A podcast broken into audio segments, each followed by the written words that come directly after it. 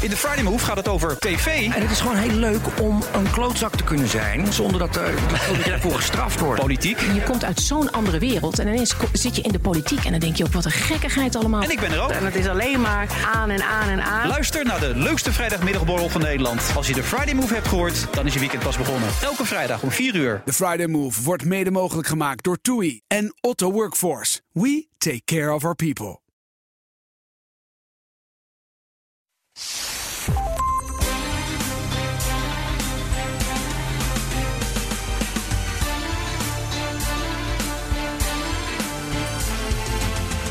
Welkom bij aflevering 13 van de Italië-podcast. Ik ben Evelien Redmeijer. En ik ben Donatello Piras. En in deze aflevering gaan we het hebben over de staat van de Italiaanse economie en maatschappij. The Economist zei 15 jaar geleden al dat de echte zieke man van Europa Italië is. En merkte op dat het na de financiële crisis van 2008-2009 nooit echt hersteld is. In de Italië-podcast duiken we in de redenen waarom en wat er zou moeten gebeuren. Verder wat ons is opgevallen in het Italiaanse nieuws. En we hebben een net uitgekomen film La Vita davanti a sé... met in de hoofdrol Sofia Loren bekeken. En we bespreken hem straks. Ja, daar heb ik echt zin in. Want Ik wij hebben ook. ook. gewoon hem allebei gezien en elkaar niet verteld Nul. wat we ervan vonden. Ik ben zo benieuwd. Ja. De wijn is ditmaal afgestemd op een mooi moment. Namelijk, we verwelkomen de eerste sponsor. Ja, dat is Fattoria Roberto, eh, specialist in, bi- in biologische truffelproducten. Ja, www.fattoriaroberto.nl, dat is de site, hebben we die al vast genoemd. Ehm, ja, de truffels van Fattoria Roberto worden direct vanaf de bron geïmporteerd. En ze worden verwerkt in kazen, in mayonaise, maar ook in salami bijvoorbeeld. Maar ook, en daar ben ik erg benieuwd naar, dus die gaan we zo proeven, de truffelchips. Ehm, en, want die hebben we stiekem al een beetje geproefd. Eh, we hebben daar... eh eh, truffeltapenade en heerlijke ehm, honing. Dus daar ben ik heel erg benieuwd naar. Nou, je vindt Fattoria Roberto truffel carpaccio, tapenade en truffelhoning. Echt een aanrader bij Pecorini als je het mij vraagt. In supermarkten als de Albert Heijn en Ecoplaza. Maar er is ook een private label. Je vindt het op de website www.fattoriaroberto.nl. Het hele assortiment van truffelproducten, maar ook eenkortjesbrood. Dat zijn de sporcini, brood, olijfolie, limoncello en wijnen. Speaking of which, Nou, wat heb je meegenomen? Ik, ik, ik vind het, eh, ik zit net nog een eh, heerlijk. Ik dacht, ik heb nog wel even tijd een heerlijke cracker met truffel eh, te doen. En dat is natuurlijk wel gecombineerd, want.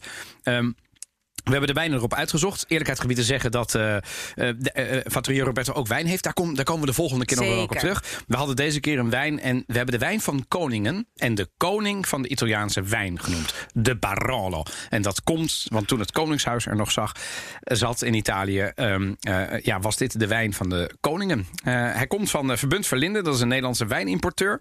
En die hebben wijn niet alleen uit Italië hoor, uit alle belangrijke wijngebieden. Maar nu hebben we natuurlijk een Italiaanse wijn gevraagd. En consumenten hebben daar niks aan, want die kunnen het beste via wijnkring.nl doen, zodat je gewoon je lokale wijnhandel kunt vinden. Dat zetten we allemaal in de show notes.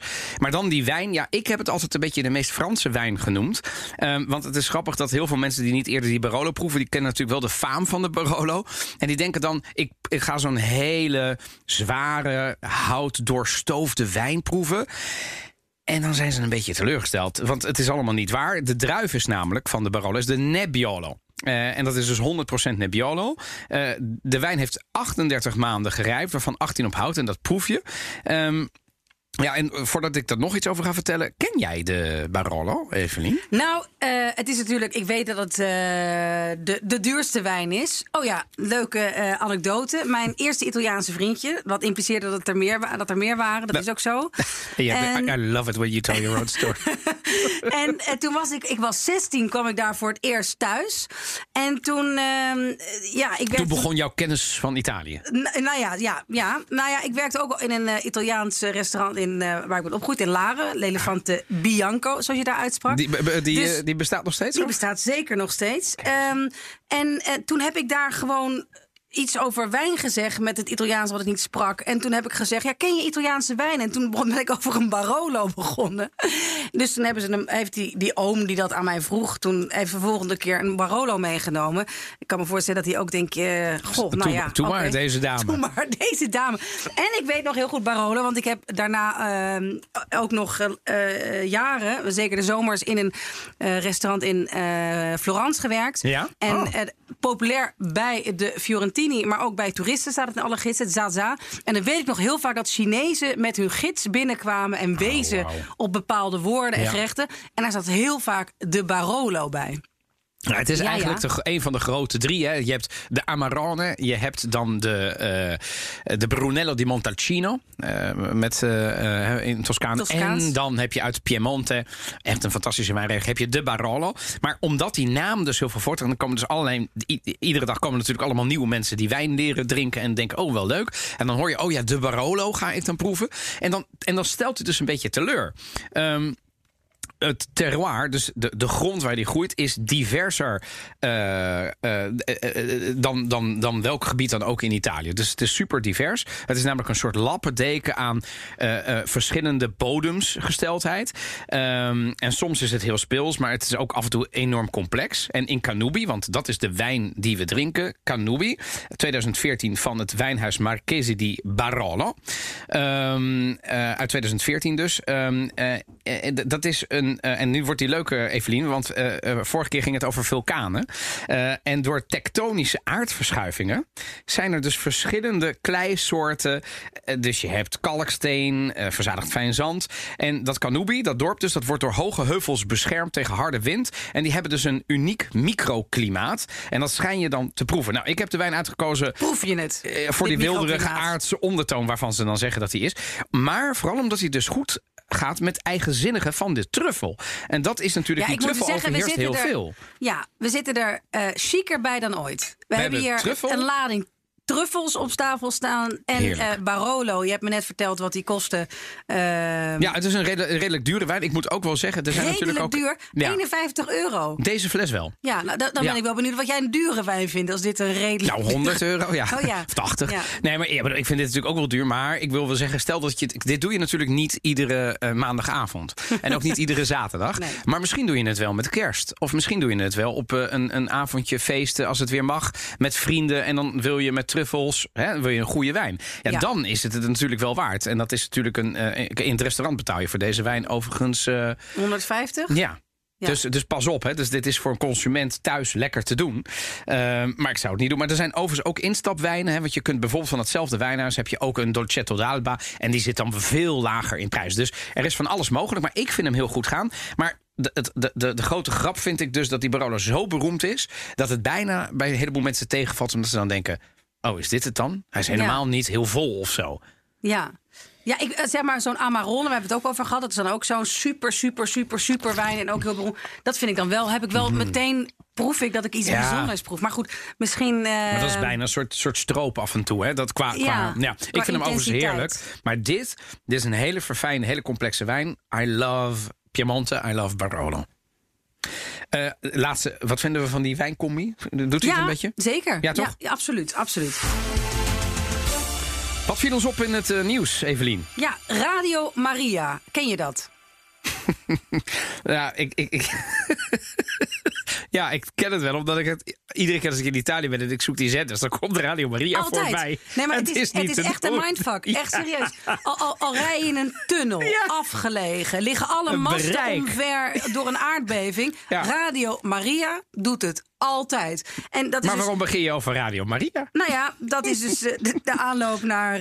God, laat mij eens in de aanloop eh, nemen. Nou ja, Radio Maria is dus, daar hoor je de hele tijd allerlei gezang op en, en, en teksten uit de Bijbel. Ja, en- ja zeker. en, het is een ehm, zender en- waar gebeden en gezang en zo exact, op zijn. Exact, Radio ja. Maria. Ja. Nou, de, de directeur daarvan, Livio Fanzaga... Ja. dat is ook wel een beetje een beroemd figuur... omdat hij, nou, hij heeft ook wel de aardbevingen, daar zijn ze weer... was ook de schuld van God. Maar goed, er zijn eh, helaas, zou ik zeggen... eh, veel mensen die geloven... die dat, eh, inderdaad eh, die mening met hem delen. Maar nu heeft hij dus ook naar buiten gebracht... dat het coronavirus volgens hem... eh, nou ja, een, een, een crimineel project van de elite is. Echt gewoon echt deep down complottheorieën. Ja, wat goed. niet, niet eens God komt er aan te pas. Nee, het zijn weer de elite ehm, die uiteindelijk... Van een- God los zelfs Ja, volledig van God los. Die een satanistische wereld eh, willen creëren. Nou, daar staat een, een groot ehm, op op eh, republica.it. En ehm, ja, ik vond het toch wel... dat ik, oh jee, we, gaan toch niet krijgen dat... ja, zo'n man heeft wel een zender. Er zijn toch veel mensen die dat luisteren of die het op hebben staan. Hè, eh, we horen net dat er allemaal vaccins aankomen en dat, dat, dat, het, dat het de goede kant op gaat en dat we voorzichtig optimistisch kunnen zijn. Jij begon net al over grote events in 2021. Ja, ik ben best wel positief. Ja, jij bent heel positief. Althans, als je, dat, als je over een jaar positief vindt, dan, Ja. ben, dan ben ik positief. Maar dan denk ik, nee, dit soort mensen moeten dan even niet. eh, Ongelooflijk. op de joh. radio. Maar is het een rel vertellen. geworden?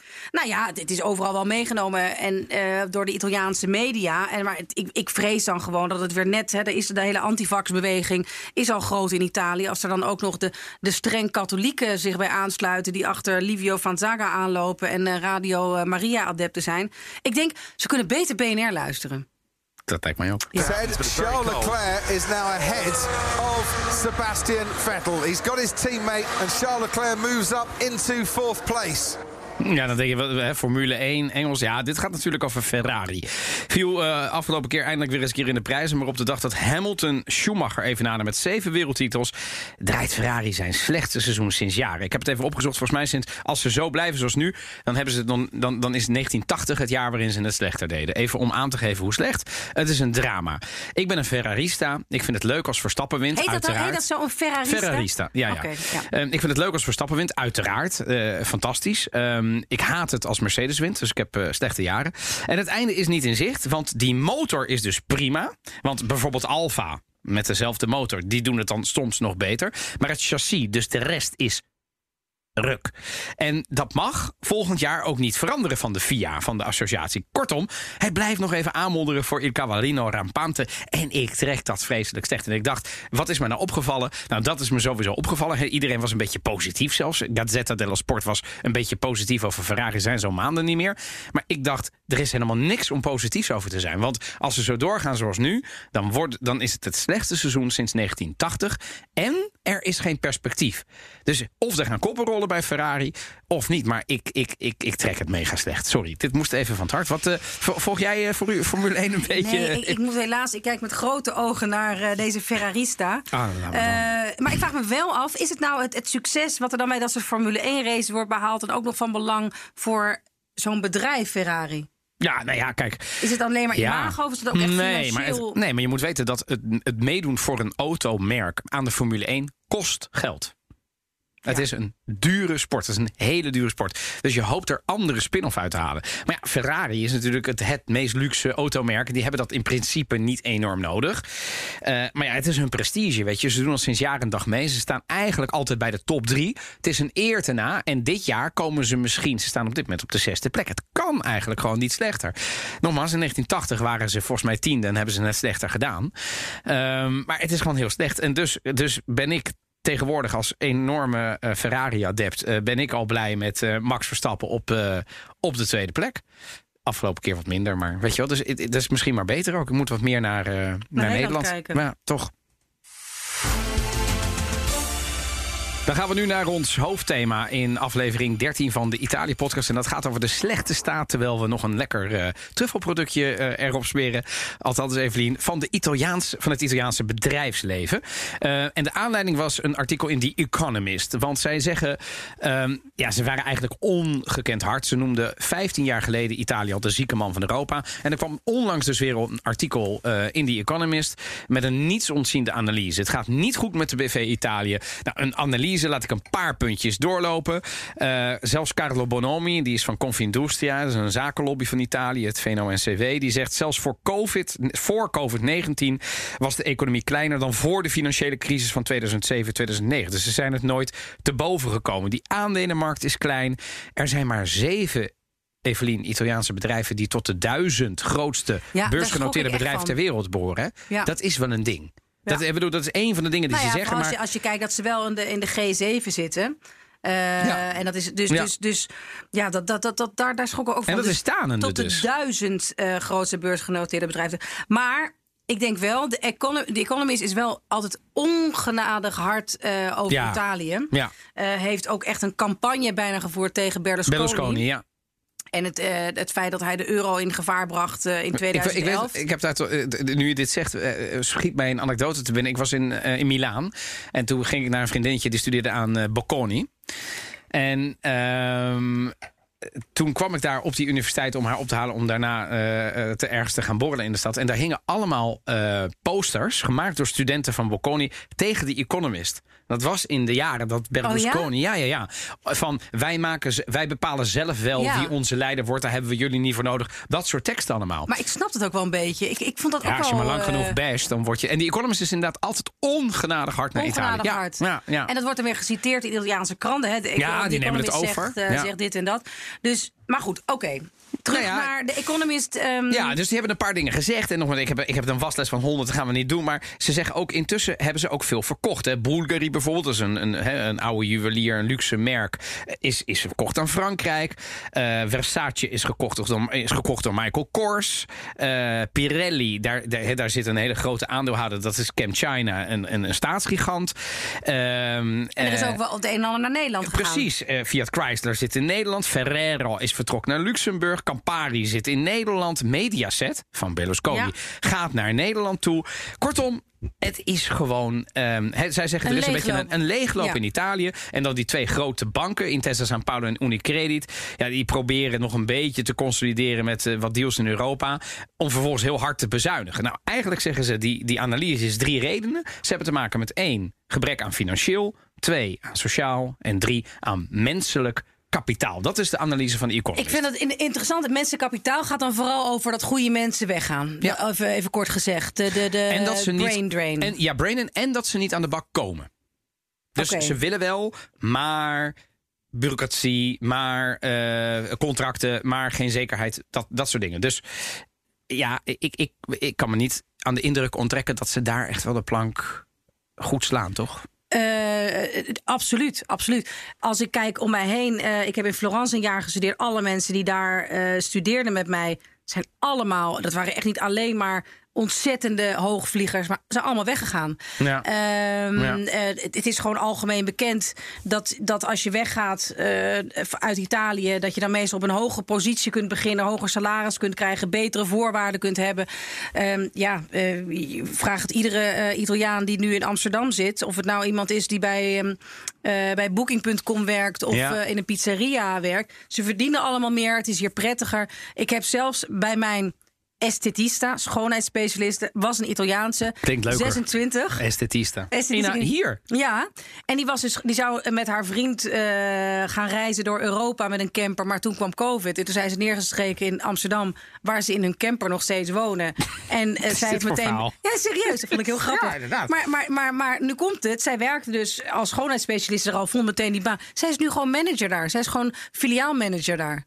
Gewoon hier in Amsterdam van, dat, van die eh, schoonheidskliniek. Ja, maar ja, kijk. Maar dat is toch. Is- zei van: is- Ik heb ja. drie keer nee gezegd. Toen zei ze bij de vierde keer: van ja, wil je toch niet echt? Nou ja, oké, dan maar wel. Maar zei: Ja, ik kan me er gewoon niks bij voorstellen dat je iemand van 5, 26 zo'n positie Er geeft. zitten zoveel. Als je kijkt naar hoeveel goede Italianen er in Brussel zitten. Ja. Als je inderdaad Amsterdam, hè, bedoel, Ja. ik woon ook in Amsterdam en ik, ik, ik ben geboren en getogen in Nederland. Dus ik heb gezien dat er in de jaren, ja, toen ik geboren en getogen eh, eh, werd in de jaren 80, eh, eh, 70, maar toen was ik te klein. Dus 80 kan, ik- kan ik me bewust herinneren. En ja, de Italiaanse gemeenschap was stukken kleiner nog in Nederland. En nu zie je dat het niet. eh, eh, Het waren vroeger de pizzabakkers, om het even zo te zeggen. Ja. En, en de, de granito-werkers en de Ja. mijnwerkers. Gewoon echt. eh, en de tijd dat mijn vader ook nog in die eind jaren 60 hier naartoe is gekomen. Ehm, maar wat je nu ziet is dat het, het, het gaat. Het, het zijn de praktisch opgeleiden, het zijn de hoger opgeleiden, het zijn de gediplomeerden. Het Ja. zijn ze Allemaal. allemaal. Ja. Je kunt allerlei Italiaan. En dat is op zich aan de ene kant vind ik het niet erg. Want ik denk, joh, in de EU mag iedereen nu vrij reizen. En mogen wij dat in Italië ook doen. Maar dat die analyse van menselijk kapitaal. Dat betekent dus dat ze in Italië, zeker in bepaalde gebieden, niet genoeg geschoold personeel kunnen vinden enzovoort. Ja, en dat is heel wrang, want daardoor kunnen ze bijvoorbeeld die economie op sommige vlakken minder draaien. Nou, dan hebben ze weer kapitaal nodig. En zij kijken dan weer naar Oost-Europa om mensen aan te trekken. Dus dat Ah, is natuurlijk ook een beetje een waterbed-effect wat daar gebeurt. Eh, en, eh, Sociaal kapitaal, wat wordt daarmee bedoeld? ehm, Ehm, nee, d- daar kom ik zo even op terug. Want ik, ik wilde nog iets zeggen over wat jij terecht zei. Is over Corriere. eh, eh, de Italiaanse kranten nemen dat dan over. Nou. Corriere della Sera heeft dat dan gedaan, inderdaad. Ehm, en die waren zelf. Zelf kritisch, om het zo te zeggen. Dus een, een citaat van hun is dat ze zeiden van joh, eh, de diagnose van de Economist eh, contrasteert zelf eh, contrasteert met de zelfperceptie van Italië. Eh, die is nog heel erg geconcentreerd rond de, de mythe van Made in Italy. Van als we dat maar blijven doen, dan komen we er wel. En de COVID-epidemie die dreigt deze processen ook nog te versnellen, zeggen zij. Maar misschien kan het ons ook nog dwingen om verder te kijken dan de illusies om de nodige hervormingen door te voeren en die achteruitgang te herstellen voordat die onomkeerbaar is. Nou, dat is natuurlijk super Italiaans. Ik heb het letterlijk vertaald voordat deze onomkeerbaar is. Ehm, dus ze worden me een beetje poëtisch. Daar hebben Italianen wel vaker last van in dit soort Ja, want het is situaties. al sinds 2011 onomkeerbaar, geloof ik, als we niet Ja. nu wat doen. Ik bedoel, Ja. hoe lang kan het 5 voor 12 zijn? Maar goed, maar de mythe van Made in Italy, het is niet helemaal mythe, hè? Want er is natuurlijk wel, er zijn nog eh, echt bepaalde topmerken. Ja, nee, dat is hè, natuurlijk en, ook wel en waar. Imago en Made in Italy, dat is nog een, en een Italiaanse achternaam. Dat is nog eh, en misschien wat minder inmiddels in Nederland, weet ik niet. Maar eh, ja, ik, ik heb ja, Italiaanse je- vrienden die ja. in Zuid-Amerika daar ehm, eh, ja, architectuurdingen, designdingen doen. En die dan toch zeggen: ja, nou ja, als je gewoon Italiaan bent, dan wordt er wel, dan kijken mensen toch wel eh, tegen je op. Amerika hetzelfde. Maar het probleem is al- alleen dat het dus niet zo dat dat waar is. Alleen het straalt niet zozeer. eh, het straalt zo wat minder af op Italië Ja. dan dat het zou kunnen doen. Weet je wel? Of dat Dus- ze misschien denken. Dat zij denken echt dat ze nog steeds met de top meedoen. En een heel belangrijk land zijn. En dat het eigenlijk. eh, Maar dat zijn ze. Het, het, het, het is, het, het- weet je, eigenlijk de hele reden waarom we überhaupt ooit deze podcast zijn gemaakt. Dat land van waarom tegenstellingen. zijn we er in godsnaam mee begonnen? Ja, om uit te Ja. leggen dat het aan de ene kant fantastisch is. En tegelijkertijd kijk je om je heen en denk je. Ik zei nog, ik heb de eerste keer gezegd waarom ik mee ben gaan doen, hè? De allereerste keer? Ja, heb ik verteld waarom ik mee ging doen met de podcast. Omdat mijn wijn beloofd was. eh. dat is waar. De eerste aflevering. Ja, ja. Ja. precies. en inmiddels zijn er truffels bijgekomen. En, en, en, en, en, ik bedoel, eh, truffelhoning. heb ik je ooit teleurgesteld? Nee, nee, nee, mij, mij hoor je niet. Goed, eh, dan even over jouw sociale kapitaal. Ja, het gaat een beetje over het schrale sociale kapitaal. Laat ik één eh, feitje citeren. Italië staat op de 58ste plaats van de 190 landen in de zogenaamde doing business van de Wereldbank. Eh, en de doing business gaat dus over ondernemerschap. Het, kon, eh, dus het staat op de 97ste plek voor het verkrijgen van een bouwvergunning. Op de 98ste plek voor het starten van nieuwe bedrijven. En 122ste voor het afdwingen van contracten. En nou komt het. 128ste voor belastingregels. Heb je je antwoord? Oh ja, ja dus dat bedoelt van eh, doing eh, als in van dat je even lekker eh, Uh, jij iets kan denkt, regelen. zoals mijn neef bijvoorbeeld, dit dat is een hele goede orthopeed op Sardinië. En die, ik heb heel vaak tegen hem gezegd van, joh, Luca, waarom begin je niet voor jezelf? En dan zei hij, heb jij enig, Enig idee, idee, wat ja. dit betekent in Ja, ja. Italië? Hij zei, ik moet kapitaal meenemen. Ik zei, ja, maar dat moet in Nederland ook. Toen zei hij, hoeveel? Toen noemde ik een bedrag. Toen moest hij heel hard lachen. Toen noemde hij het bedrag. Toen schrok ik me kapot. En vervolgens zei hij: Er zijn vergunningen in mijn sector, eh, beheerst door farmaceuten, Ja. waar ik niet eens aan kan komen. Want die gaan door elf erfopvolging van, Ja, ja. van vader op zoon. Dus dan zou die ik zijn in moeten kopen. gigantisch veel waard. Die zijn gigantisch veel. Die, farma, die farmacie. ja, de farmacie. We hebben over de apotheek. hè. Daar zouden we, nog, we zouden nog een keer een aflevering kunnen maken over de, de, de, het, de, het kartel. Maar dan echt, zeg maar. Want dat, dat geldt voor heel veel van die functies in Italië. Die mag je alleen uitoefenen met een vergunning. Ja. En hoe kom je aan die vergunning? Van vader op zoon. Ja, erven. Gaan we doen. Niet te Gaan doen. we doen. Ja. Maar goed, dus dat is het sociale kapitaal. Het menselijke kapitaal. En financieel hebben ze ook gezegd: van, joh, dat, eh, Italië heeft bijvoorbeeld heel weinig durfkapitalisten. En, heel, en omdat de politiek zo instabiel is, durven die eh, kapitalisten daar wat minder in te gaan zitten. Nou, dat is het allemaal eh, heel slecht. Dan heb ik nog één ding wat er ook nog is, en dat is ongelijkheid. It wouldn't be an Economics Explained video without briefly touching on inequality. While Italy does not have a glaring problem with wealth inequality like, say, South Africa or Mexico, it does have a certain type of very problematic inequality geographic inequality. The major industries of the nation, the factories for most of the nation's motor companies and clothing brands, the financial centre of Milan, well, all located in the north. the nation actually has a very, very clear gradient of wealthy areas to poorer areas mm. as you move from north to south, respectively, which has led to an almost two speed economy between the industrial and service sectors in the north and the agrarian farmers in the south. Ja, dat is voor de gemiddelde luisteraar van Italië podcast natuurlijk een, een, eh, een, een, een, een no-brainer. Dit, dit wist iedereen. Maar het, is, het helpt ook niet mee dat je een relatief rijk, eh, geïndustrialiseerd noorden hebt waar het wel lukt. Die, die hele Immuni-app, waar komt die vandaan? Milaan natuurlijk.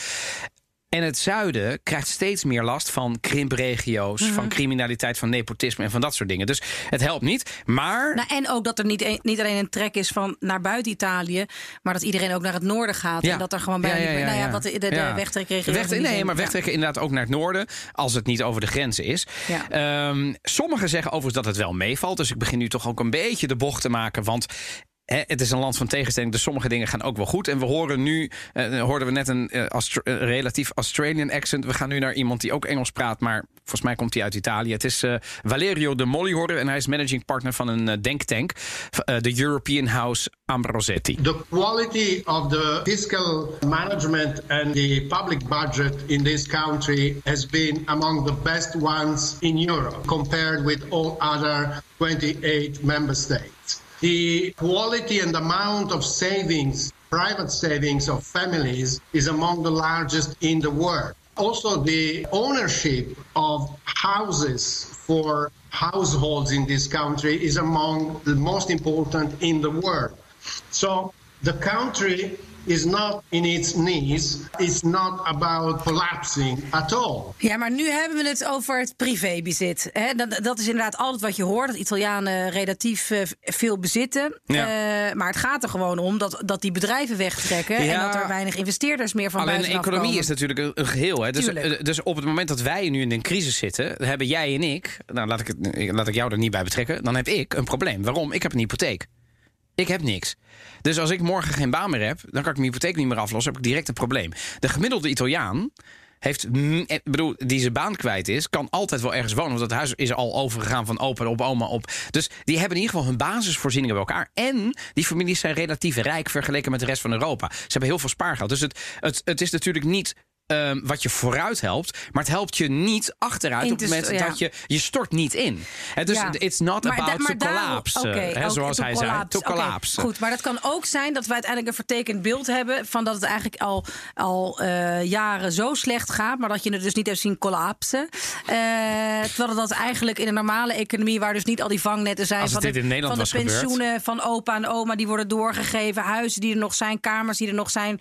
Maar ja, ik ben eh, helaas niet heel erg, eh, heel erg eh, optimistisch. Nee, wacht even. Dat, is, dat, ik wil jij nog wel. Dat is, dat is mijn slotvraag. Want ik, ik hoop dat je, dat, je, dat, je, dat je nog iets. Maar kijk, ehm, zelfs die Economist heeft nog wel wat perspectieven. Die zegt, joh, het blijft wel een ondernemingsland. De OESO schat in dat bijna een kwart van de Italiaanse bedrijven sterk groeit. Meer dan in de meest grote Europese andere landen. Ehm, en ehm, eh, als we bijvoorbeeld gaan kijken naar eh, Pirelli's eh, Tronchetti Provera, een enorme, hoe noem je dat, business leader in Italië. Die prijst de deal met Chem China, waardoor het hoofdkantoor van de bandenmaker in Milaan blijft. Als een kans om onze positie in China te versterken, zonder de Italiaanse roots op te geven. Goed. Er zijn wel meer mensen die dat nu zeggen. Hè, dat het helemaal niet zo gek idee is om nu meer naar China te kijken. Nee. En dat doet Italië als een van de eh, eerste in Europa. Zeker. Die ook die nieuwe zijderoute eh, Ja. he- hebben gemaakt. Dus nou ja, eh, wie weet. Ik moet eerlijk zeggen dat ik, dat ik ehm, eh, niet zo'n eh, economische analist ben om daar helemaal iets over te Nee, kunnen nee, nee. dat- maar het is wel dat wat trekken ik we grote schoenen aan natuurlijk. maar wat ik, wat ik wel om mij heen zie, is dat die, dat die salarissen van, nou ja, dat heet dan starters, maar het zijn inmiddels ook al eh, mensen die halverwege de 30 zijn, zo ongelooflijk laag zijn. En eh, Mhm. is natuurlijk waar. Het is ook, het, dat wordt ook steeds minder. De salarissen vorig jaar lagen gemiddeld nog 5% onder de gemiddelde salarissen van 2007. Dus, nou ja, en, en dat gaat op een gegeven moment wel echt uit elkaar lopen. Ja, dat Dus- gaat vreselijk uit elkaar lopen. en daardoor, nou ja, krijg je En dan ben je niet concurrerend met de rest van Europa. Nee. Want dan zegt een Italiaan in, van mijn leeftijd in mijn positie... hey, ik zou graag naar Italië willen.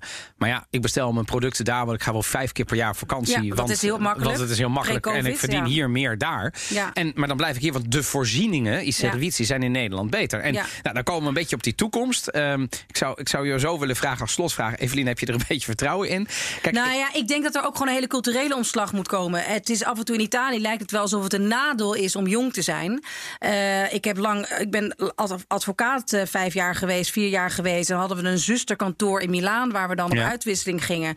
Nou, en, en de partners van, het, hè, dat zijn dan de bazen, de maatschap eh, van een advocatenkantoor bij ons.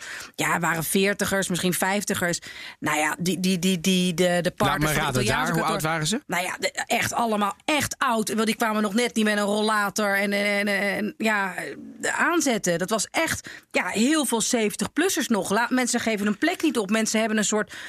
Wat ook wel weer misschien een soort respect voor de Ja. oudere generatie is. Maar echt Ja. bij een groot advocatenkantoor moet je gewoon echt boven je 60 moet je eigenlijk gewoon wieberen. Maar het is, dat het is, niet zo in het is wel grappig dat je dit zegt. Want mijn analyse is eigenlijk dezelfde. Ik vind dat ze veel meer moeten hervormen. ehm, en, eh, en, en, en stoppen met bijvoorbeeld.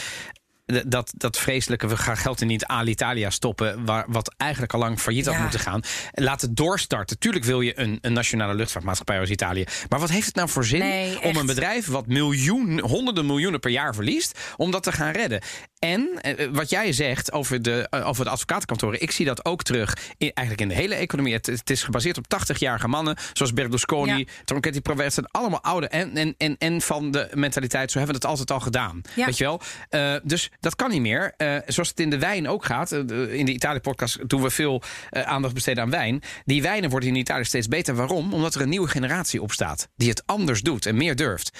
En dat heeft Italië wel nodig. Want ja, anders word je hier denk ik helemaal gek van. Kortom, ehm, ja, hebben we er een beetje vertrouwen in, Evelien? Jawel, want het blijft toch altijd weer Italië. En, en dat 5 voor 12 hoor ik al zo lang. Dat, eh, en, en misschien komt er nu ook met soort COVID. eh, er komt er bepaald iets in een versnelling. eh, er komt een noodfonds. ze krijgen nu de kans, de, de, noodzaak om te. Ik weet het niet. Ook dingen als thuiswerken, wat eerst totaal onmogelijk leek, blijkt nu toch wel iets meer mogelijk te zijn. Ja, dat- het heeft wel iets op, ja, door elkaar geschud. Ik hoop dat het de goede kant op valt. Ik ook. Dicono che tutto è scritto e non si può cambiare niente. Sono uomo e sono orfano. Io voglio cambiare tutto. Madame Rosa ha iniziato a tenere i bambini delle altre puttane. Ciao. Rosa, ho bisogno di un favore. Mamma l'ho presa in affitto. Ja. De Ja. trailer van La Vita davanti a sé, ook wel bekend als The Live Ahead met Sofia Loren. Dan moet ik natuurlijk ook niet Ibrahima Gueye eh, noemen. Dat is eh, de, de, de, de andere hoofdrolspeler. Maar ja, de aandacht gaat veel over de 86-jarige Sofia Loren. En de, de film van regie haar zoon. van Eduardo Ponti. En dat is haar zoon. Ja, en ze heeft al ruim tien jaar niet meer gespeeld. Ja, we weten niet van elkaar. Wie, wie gaat beginnen? Nee, begin jij maar. Ik ben Ja, wel ik benieuwd. vond het prachtig. Ja? Ja, ik vond echt, ik vond haar. Kijk, weet je, ik ben natuurlijk opgegroeid met Sophia Loren dat het al een, eh, een icoon was. Ja, ja. En eh, ik heb haar dus alleen nog maar in oude films gezien. Ja. En dan kun je niet helemaal La meer dat soort dingen. Begrijp je? Dus dat wordt dan bijna een soort. Nou, ja, ja, maar ik snap soort, het wel. soort, Een soort- mythe. soort mythe, exact. Maar nu zag ik haar gewoon in een moderne film als actrice. En ja, echt dat, dat vuur wat daar nog uitkomt. En die kan spelen, jongen. Nou, ik vond het echt fenomenaal. Ik vond het ook mooi dat het niet eens een keer een soort... Ja, toch, ik ga het niet zeggen, maar toch wel... Nou ja, dat La Grande Bellezza. Zo. Dit Begin was nou gewoon een-? Ja, sorry. Maar dit is gewoon een verhaal van nu. Gewoon ehm, eh, eh, migranten en kinderen van eh, migranten... die de afgelopen tien jaar daar zijn gekomen... waar een deel van in de prostitutie eindigt. Kindjes die dan op straat leven of... Nou ja, en, en waar deze Sofia Loren, ook een ex-prostituee, een holocaust-overlever, ehm, voor gaat zorgen. Terwijl Ja, want zoveel zin zij, heeft. speelt Rosa, de eigenaresse van een kinderdagverblijf. Ja. Althans, dat is een heel groot woord voor wat ze doet. Ze, ze vangt gewoon kinderen op van andere prostituees. Ehm, eh, en ze neemt jongeren onder eh, haar hoede, waaronder Momo. Die eh, worstelt met het leven als straatjochie. Eh, en wat handig is te weten, zij is, goed, hè, zij is dat jochie? Joods en ze heeft de holocaust overleefd. Dat is ook wel goed om te weten. Ja, even over dat jochie. Die, Zo. die is dus 14 jaar. Ja, Of Ja. 12. Ik bedoel, Die jongen is, die speelt 12 en die is volgens mij 14. Bizar. bizar. Want ehm, ja, dit is wel een talent. En dan, weet je, we, we zijn maar wat begonnen. vond jij daarvan? Nou, ik ben het. Ik, ja, eh, ik, ik denk dat ik het letterlijk met je eens ben dit keer. Oké. Oh, ik dat heb er denk ik ja. niet heel veel aanvulling op, omdat Ja. ik ook Sofie. Ik ben een. Prachtig, toch? Ik heb ook haar biografie gelezen van Sofia Loren. Voor mij was ze altijd een bepaald icoon. Ik heb dat kookboek ook waarin Ja. er af en toe in. En dan denk ik. En ze leeft nog. En dat vind ik op de een of andere manier toch op een melancholische manier fijn dat dat zo is. Maar ik dacht, zij gaat natuurlijk nooit meer spelen. Ja. Ze is in Nederland, twee jaar geleden is ze nog hier naar Zeeland geweest om een prijs in ontvangst te nemen. Ja. Toen dacht ik, dit is dan de laatste keer. En nu doet ze dit. En kan ik gewoon in het hier en nu Ja. zien hoe ze speelt. En een echte en rol, ze, hè? En ze doet het gewoon Ja. zoals ze het al die jaren gedaan Ja, en heeft. echt een rol. Dus niet een soort rol Een- dat ze schrijft. Het is een ranzige rol. Echt een ranzige rol. Ze moet lelijk en- zijn, Exact. ze moet oud zijn. En, daar- en, en dat, ze speelt niet een koninklijke, Exact. mooie, gepolijste Nee, of een rol. soort diva. Dat- ze want speelt dat een dacht ik hoer. een beetje. Ze speelt een hoer die de holocaust heeft. Het is bizar. Ja, en, en in, in, in plat eh, Napolitaans die... ehm, nou het dat- speelt overigens, de- ik dacht in, in- Napoli. Nee, dit is in Bari. In Bari. Het speelt in Wordt Zuid-Italië. niet uitgelegd waarom dan Ja. zij met haar Napolitaanse accent in Bari zit. Maar, nee, ik vond het echt... Ja. ehm, ja, nee, maar eigenlijk... Kijk, het verhaal is niet briljant of zo. Begrijp Nee, maar het is overigens, dat moeten we erbij zeggen. Het is een, het is een, een, een eh, Ja. boek van Roman Gary. En het, het, eh, die is verfilmd in 1977 onder de titel La Vie de Vansois. Eh, en die heeft een Oscar gewonnen voor de beste niet-Engelstalige film. Ehm, en die kreeg dus best wel wat onderscheidingen, zeg maar. Signoret, voor haar rol als Madame Rosa toen de tijd. En nu wordt Madame Rosa dus gespeeld door, ehm, ja, door, door Sophia Loren. En jij zegt hij is niet fantastisch. Heel veel mensen hebben nu al gezegd in deze drie dagen dat hij uit is. Het is Oscar waardig Ja, nee, voor Sophia ik Loren. zeggen, ik, denk, ik, ik denk dat het echt dat zij eh, genomineerd zal worden voor een Oscar. Maar het is niet zozeer. Ik vind, ik zeg meer het verhaal en het script. En dat is, daar zit voor mij niet waarom deze Nee. film zo geweldig is. Nee. Maar het is die Sophia, eh, Sophia Loren die nou, gewoon zo'n heel, hele scène in beslag neemt. En ze heeft ook gewoon. Dat, dat vond ik nog ook wel echt imposant en indrukwekkend om te zien dat iemand op haar leeftijd nog zoveel vuur kan hebben. Wat Ongelooflijk. Echt, onge Maar, echt maar niet over, weet je, je kunt ook vuur hebben dat je denkt, oh, dat Italiaanse. Dat nee, dat is het niet. Weet je, het je denkt, oh, maar net dat hysterische. Nee, maar dat, dat is, het is, het is zo knap. Het is acteerles door Sophia Loren Ja. op haar 86ste. Het verhaal, hè, wat, ik er, wat mij opviel, Spaanse, Mooi. Spaanse transgender, Ja. Joodse vrouw en een moslimwees uit Senegal in Italië. Ja. Ook wel weer lachen gedaan dat je dat dan op die manier doet. Ja. Sommige mensen zeggen misschien, hij is wel heel erg woke, hè, de film. Voor Italiaanse begrippen. Voor Italiaanse begrippen zeker. Toch? Maar dat mag ook wel eens een keer. Want, eh, het is 2020, het jongens. is 2020 en qua wokeness kan Italië nog wel eh, wat stappen gebruiken? maken. Ja, zeker. Dus, Overigens, dus- de, de, de titeltrack overigens, misschien herken je er.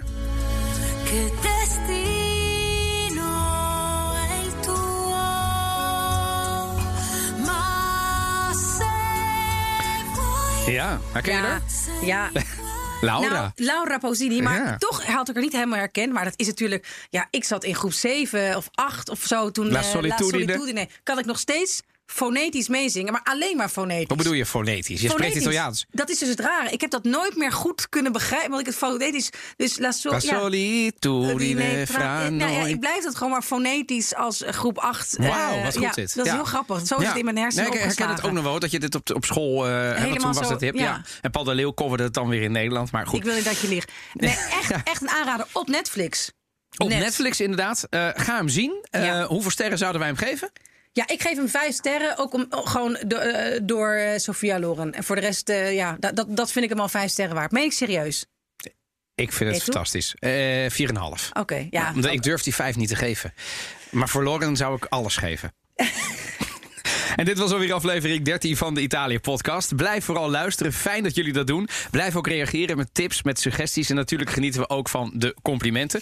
En vooral spread the word. Mocht je een recensie willen achterlaten via bijvoorbeeld de Apple podcast, doen. Of je kunt ons natuurlijk via sociale media te feedback geven. Maar volgende keer, Evelien. Ja, volgende keer, volgende keer duiken we de boeken in. En dan niet de klassiekers, maar de generatie jonge. Al blijft dat in Italië natuurlijk een relatief begrip, zoals we net zeiden. Schrijvers. En oh, er is zo ontzettend veel moois. We komen met tips voor deze grijze dagen waar we toch niet eens fatsoenlijk naar de kroeg kunnen. En er zijn natuurlijk ook goede tips voor de kerst en de Sinterklaas. Ik heb er heel veel zin in. Wil je nog meer afleveringen van de Italië podcast luisteren? Dan vind je ons in de BNR-app of in je favoriete podcastplayer. Bedankt en heel graag tot de volgende keer. Ciao, ciao. Ciao.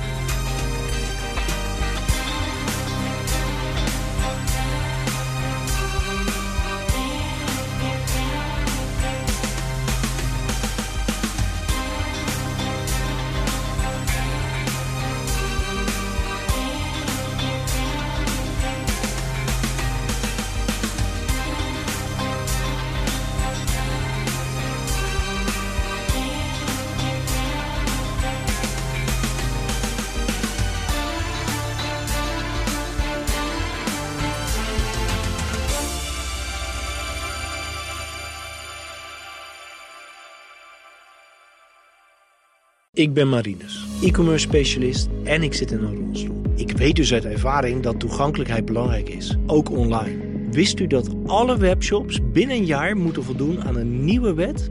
Dat is de Europese toegankelijkheidswet. Dit is een behoorlijke uitdaging. Voor hulp kijk op sqli.com/bnr.